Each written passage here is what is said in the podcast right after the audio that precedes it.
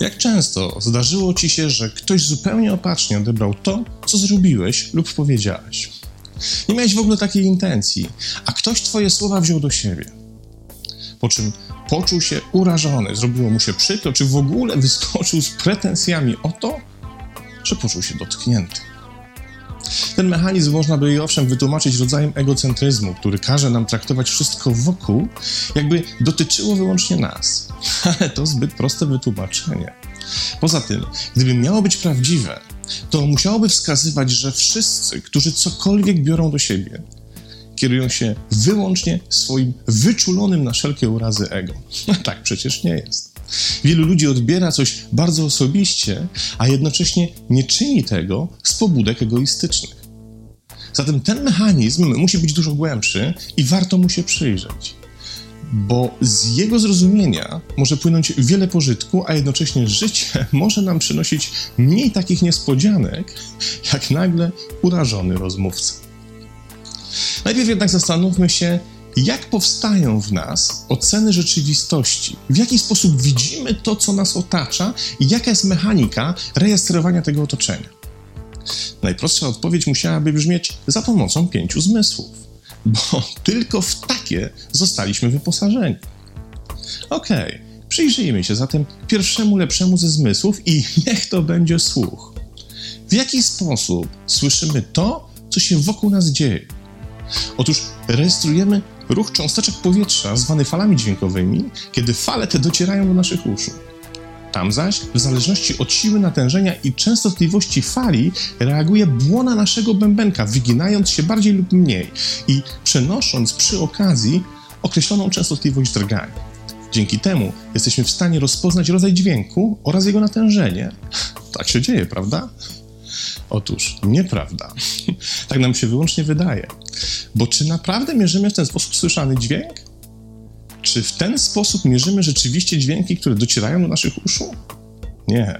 Do zmierzenia tych dźwięków nie mamy żadnych zewnętrznych narządów. A jedyne, co tak naprawdę mierzymy, to zachowanie, czyli reakcję naszego bębenka na te dźwięki. Jesteśmy zdolni do zmierzenia wyłącznie tego, jak reaguje błona bębenka, a nie tego, co rzeczywiście dzieje się na zewnątrz. Nasz słuch zatem jest konsekwencją naszej reakcji na dźwięk, a nie samego dźwięku. Ktoś powie, że to żadna różnica, a ja i przy okazji kilku wschodnich i nie tylko wielkich mistrzów również upieramy się, że to różnica kolosalna. Ale żeby to zobrazować w najprostszy możliwy sposób, posłuszmy się przykładem wagi sprężynowej. To taka waga, do której od spodu podwieszamy określony ciężar i wewnątrz której znajduje się sprężyna z przyczepioną wskazówką. Im większy ciężar, tym większe rozciągnięcie sprężyna. Tym samym, tym większe wychylenie wskazówki, która na odpowiedniej skali pokazuje nam, ile waży to, co usiłujemy zważyć. Co jednak tak naprawdę pokazuje wskazówka takiej wagi? Czy rzeczywiście wskazuje ona ciężar ważonego przedmiotu? Nie, ona wyłącznie wskazuje poziom rozciągnięcia sprężyny w reakcji na ten ciężar. A to oznacza, że my jedynie wnioskujemy o wielkości ciężaru na podstawie reakcji sprężyny na ten ciężar. Nie wiemy, jakie to, co ważymy, jest tak naprawdę. Wiemy jedynie, jak na ten ciężar zareagowała nasza sprężyna i wyłącznie tyle. Jednak przyzwyczailiśmy się nie myśleć w ten sposób, bo od dziecka jesteśmy uczeni, że wniosek wyciągnięty na podstawie rozciągniętej sprężyny wagi jest wystarczający do oszacowania wielkości ciężaru. Dysponujemy jedynie wyskalowaną sprężyną i to jej reakcję mierzymy, nie zaś sam ciężar. Łatwo to zrozumieć, kiedy podmienimy sprężynę na inną. Na przykład z wyskalowanej w kilogramach na wyskalowaną w funtach. Co się wówczas stanie? Wskazówka wychyli się w inny sposób. Mimo, iż ciężar przecież pozostaje ten sam, bo wskazówka mierzy reakcję sprężyny, a nie ciężar, mimo iż od dzieciństwa powtarza się nam, że jesteśmy w stanie cokolwiek zmierzyć, zważyć, powąchać, usłyszeć, zobaczyć, posmakować, czy też poznać za pomocą dotyku. Nie, nie jesteśmy. Jedyne zaś, co jesteśmy w stanie zrobić za pomocą własnych zmysłów, to doświadczyć ich reakcji na coś z zewnątrz. zaobserwować, jak nasze zmysły reagują na rzeczywistość zewnętrzną, nie zaś samą rzeczywistość zewnętrzną. I wszyscy tak mamy, bo tak zostaliśmy stworzeni. Stąd prosty wniosek. Cokolwiek słyszysz czy widzisz, ufasz iluzji stworzonej przez Twoje wewnętrzne narzędzie pomiaru, za pomocą którego oceniasz, jak się rzeczy mają. A teraz powyższą zasadę przełóżmy na nasze relacje z innymi ludźmi. Czy w tym modelu możemy założyć, że ludzie słyszą dokładnie to, co mówimy? Otóż nie. Ludzie są zdolni do zmierzenia jedynie ich wewnętrznych reakcji na nasze słowa i na podstawie tego pomiaru wyciągają wniosek mający im powiedzieć, co ich zdaniem usłyszeli. Najprostszym przykładem sytuacji, w której można to zauważyć, jest występ stand-upera, gościa stojącego na scenie przed publicznością i opowiadającego dowcipy. Wyobraźmy sobie, że tenże komik dysponuje dowcipem obiektywnie przezabawnym i jednocześnie opanowaną do perfekcji umiejętnością jego opowiadania. Opowiada on zatem swój dowcip, a my spróbujmy się w tej chwili skoncentrować na reakcji publiczności. Oczywiście ludzie wybuchają śmiechem, ale jak się temu bliżej przyjrzeć, to łatwo odkryć, że po pierwsze poziom wesołości nie jest jednakowy u wszystkich, a po drugie ich reakcja na dowcip nie następuje dokładnie w tym samym czasie. Jedni śmieją się głośniej, inni ciszej, jedni są bardziej rozbawieni usłyszanym dowcipem, inni ciut mniej, jedni reagują natychmiast, inni z sekundowym opóźnieniem, a jeden gość w rogu sali skumał dowcip dopiero po minucie i wtedy wybucha śmiechem. Co powoduje tak naprawdę, że ci ludzie się śmieją? Dowcip sam w sobie i sposób jego opowiedzenia? Czy aby na pewno? Otóż ich śmiech jest reakcją nie na sam dowcip, ale na ich wewnętrzny pomiar, którego dokonali w sobie w tym właśnie momencie.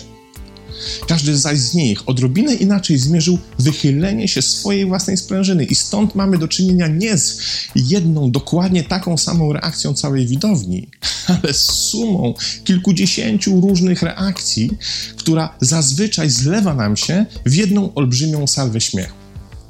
Jednak za tą salwą skrywa się ogrom indywidualnych pomiarów. Moglibyśmy powiedzieć, że to, co ci ludzie usłyszeli, spowodowało ich reakcję przefiltrowaną przez swój własny wewnętrzny, sprężynowy system. Zareagowali niejako przez siebie, a nie wskutek czystego działania prawa skutku i przyczyny. I w ten właśnie sposób postrzegamy rzeczywistość, organizujemy nasze działania i komunikaty. I w ten sposób rozumiemy świat, odbierając dowolne bodźce zewnętrzne, które zeń do nas płyną. W ten właśnie sposób konstruujemy swoją wizję siebie w świecie, zawsze i za każdym razem przez siebie, używając do tego wewnętrznego systemu pomiarowego. I tutaj skrywa się odpowiedź na postawione w tytule tego mini wykładu pytanie. Dlaczego czasem bierzemy wszystko do siebie? Ponieważ właśnie tak działa nasza relacja ze światem zewnętrznym, który rozpoznajemy wyłącznie poprzez własne filtry. I nie przychodzi nam zazwyczaj na myśl, by można inaczej. A czy można inaczej? Czy da się wspiąć wyżej tego systemu własnych wewnętrznych sprężyn, odmierzających swoim wygięciem nasze reakcje na obiekty, na innych, na sytuacje i tak? Można. I między innymi tym zajmuje się duchowość kiedy nasza koncepcja siebie wykracza poza świat materialny, a więc taki, do którego obrazowania służą nasze zmysły. To jednak nie jest łatwa droga, bo na jej przeszkodzie stoi cały nasz cielesny mechanizm z systemem postrzegania funkcjonującym w przyrodzie, odkąd powstało życie. Niemniej przez całe stulecia mistrzowie wielu duchowych tradycji próbowali sięgnąć wyżej do postrzegania rzeczywistości nie przez siebie. Wielu z nich to osiągnęło. I wielu jedynie zadeklarowało, że ta sztuka się im udała. I tutaj trzeba uważać, bo deklarujących duchowość jest zawsze więcej od tych, którzy wykroczyli poza świat wyłącznie deklaracji.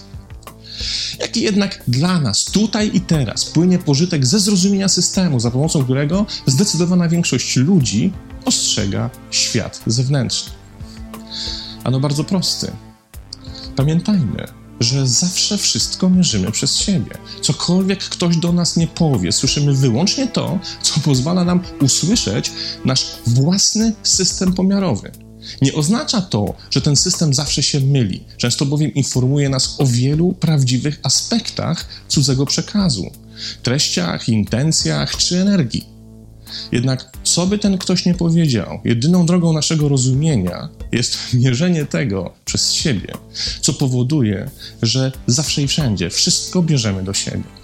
Skoro zaś tak jest i skoro wiemy, jak ten mechanizm działa, to możemy wykorzystać do tego tą wiedzę, by żyło się prościej i lepiej. Jak to zrobić? Po prostu włączyć w naszym życiu mniejszą osobistą pretensję do tego, że ktoś nas dotknął, uraził czy poruszył.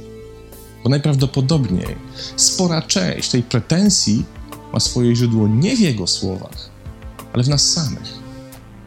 I dzieje się tak w dwie strony. Kiedy ktoś mówi coś do nas i kiedy my mówimy coś do kogoś.